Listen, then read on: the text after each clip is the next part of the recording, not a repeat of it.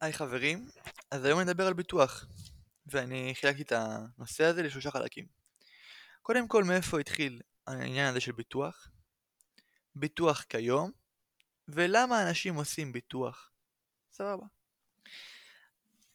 אז נתחיל ב... מאיפה התחיל ביטוח. ביררתי על זה, ומסתבר שביטוח, בצורה שאנחנו מכירים אותו כיום, נמצא אי שם עוד משחר ההיסטוריה. והכתבים הקדומים ביותר שמתעדים אותו נמצאים בחוקי חמורבי. הערת שוליים על חמורבי. מעבר לשם המצחיק שלו, זו אבן שנמצאה, ועליה תבליט עם חוקי המזרח הקדום. עוד מימי אברהם אבינו. באמת. האבן שימשה כמעין תגליף להדפסה. היו מצמידים פיסת אור לאבן עם צבע ומעתיקים את החוקים. זה הסוג של מדפסת, מדפסת מאוד קדומה. וככה באמת היו מפיצים את החוקים. חמורבי היה מלך במזרח הקדום, בתקופה של לפני אלפיים שנה, אה, סליחה, אלפיים שנה לפני הספירה, זאת אומרת לפני ארבעת אלפים שנה. והוא באמת הדבר הכי קדום של ההיסטוריה שאנחנו מכירים. או לפחות המסמך הכי מפורט שאנחנו מכירים. ממש מפורטים שם הרבה חוקים, מעניין לי לקרוא על זה. בואו נחזור לביטוח. אז אמרנו שזה מופיע כבר בתקופה, בתקופה הזאתי, זה מאוד ישן. והביטוח התגלגל ושינה הרבה צורות עד לעת החדשה, שבה באירופה, עם התפתחות המתמטיקה, העסק פרח ונהפך לכלי פיננסי מרכזי. זאת בזכות רמת הדיוק אליה הגיעו חישובי הסטטיסטיקה. באירופה, היהודים נודעו בעסקיהם הפיננסיים, וביניהם גם בביטוח. היהודים עסקו הרבה בכלים פיננסיים כמו ביטוח, בנק, הלוואות וכל הסוגים האלה.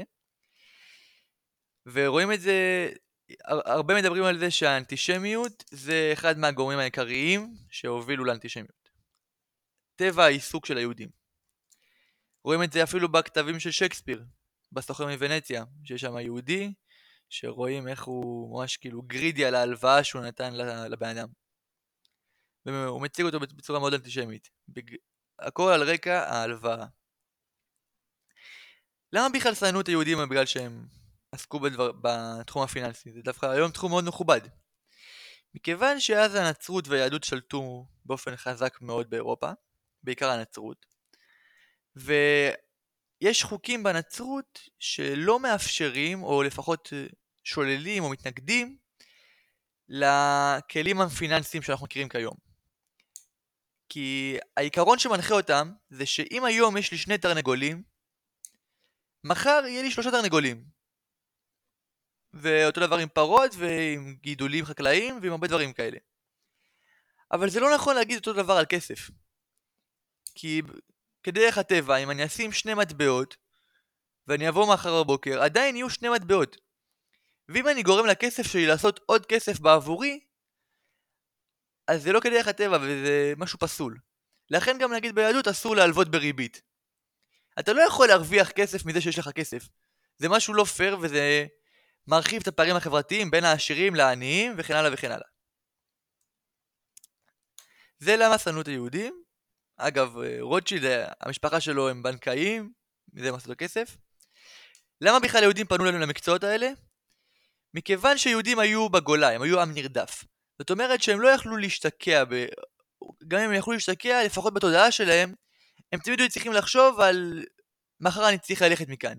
מחר אני הולך. סבא שלי, הגלו אותו ממרוקו. אה, היה פוגרום בקישינב, תמיד הם היו עם נרדף, תמיד הם היו צריכים להיות בתזוזה. הם לא יכלו, ולא תמיד הייתה להם אדמה משלהם במקום שהם גרו בו. לכן הם לא יכלו לפנות למקצועות החקלאות והנדל"ן. כי זה עסקים שנשארים במקום. אתה תלך, הם יישארו שם.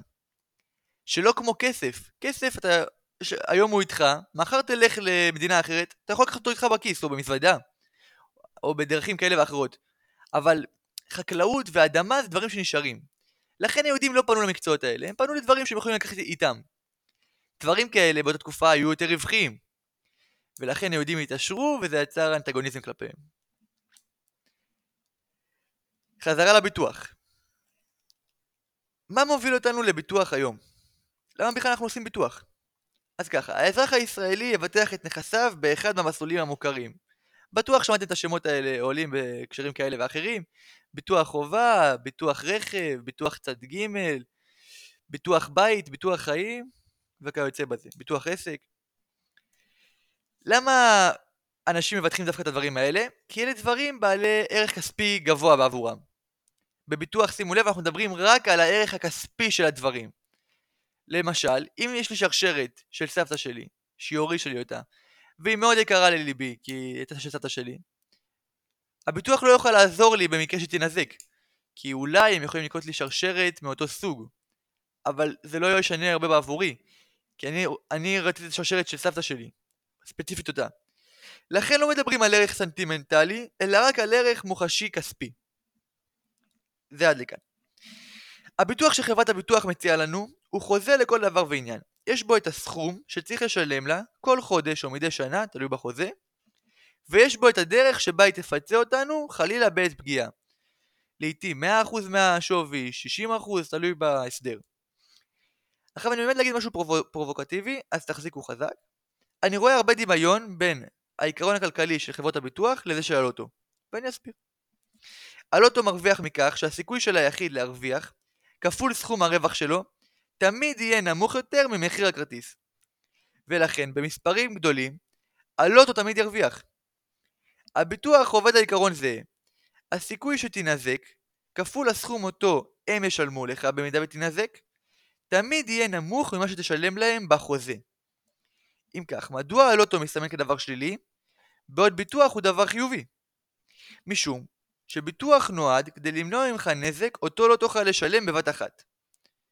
למשל, אם בעוד 20 שנה הבית שלי יקרוס, לא סביר שיהיה לי זמין סכום כסף גדול מספיק לתקן בית שלם, בוודאי שלא באופן מיידי. גם אם את הכסף שאשלם לביטוח אחסוך בצד, אף אחד לא מבטיח לי שאספיק לחסוך מספיק כסף לפני שהאסון יקרה. נגיד עוד שנה. ברור שהסכום שאשלם לביטוח לשנה הוא מגוחך, לעומת עלות התיקון של בית שלם. ועל כן אנשים משלמים, ול, ולכן אנשים נוטים לשלם פה לביטוח. פה בעצם טמון הרווח שלהם. השירות שהם מציעים לך הוא שאתה לא צריך לדאוג מה יקרה מחר או בעוד שנה. לא משנה מתי זה יקרה, אם בכלל זה יקרה, אנחנו נשלם לך, וככה עוד תצטרך להיכנס לחובות או לקשיים כלכליים. אז הם עושים רווח שולי די נמוך באחוזים, הדיבורים הוא על uh, מספרים חד ספרתיים מהחוזה שלך, וזה מונע ממך להיכנס לקשיים כלכליים במידה והם יבואו, לפחות בתחום הנזקים לרכוש. יש בזה יתרונות, יש בזה חסרונות. תודה רבה שהייתם איתי, אני הייתי רביד. אם יש לכם הערות, דברים לשיפור, אהבתם, לא אהבתם, שתפו אותי, זה עוזר לי להתקדם. תודה רבה.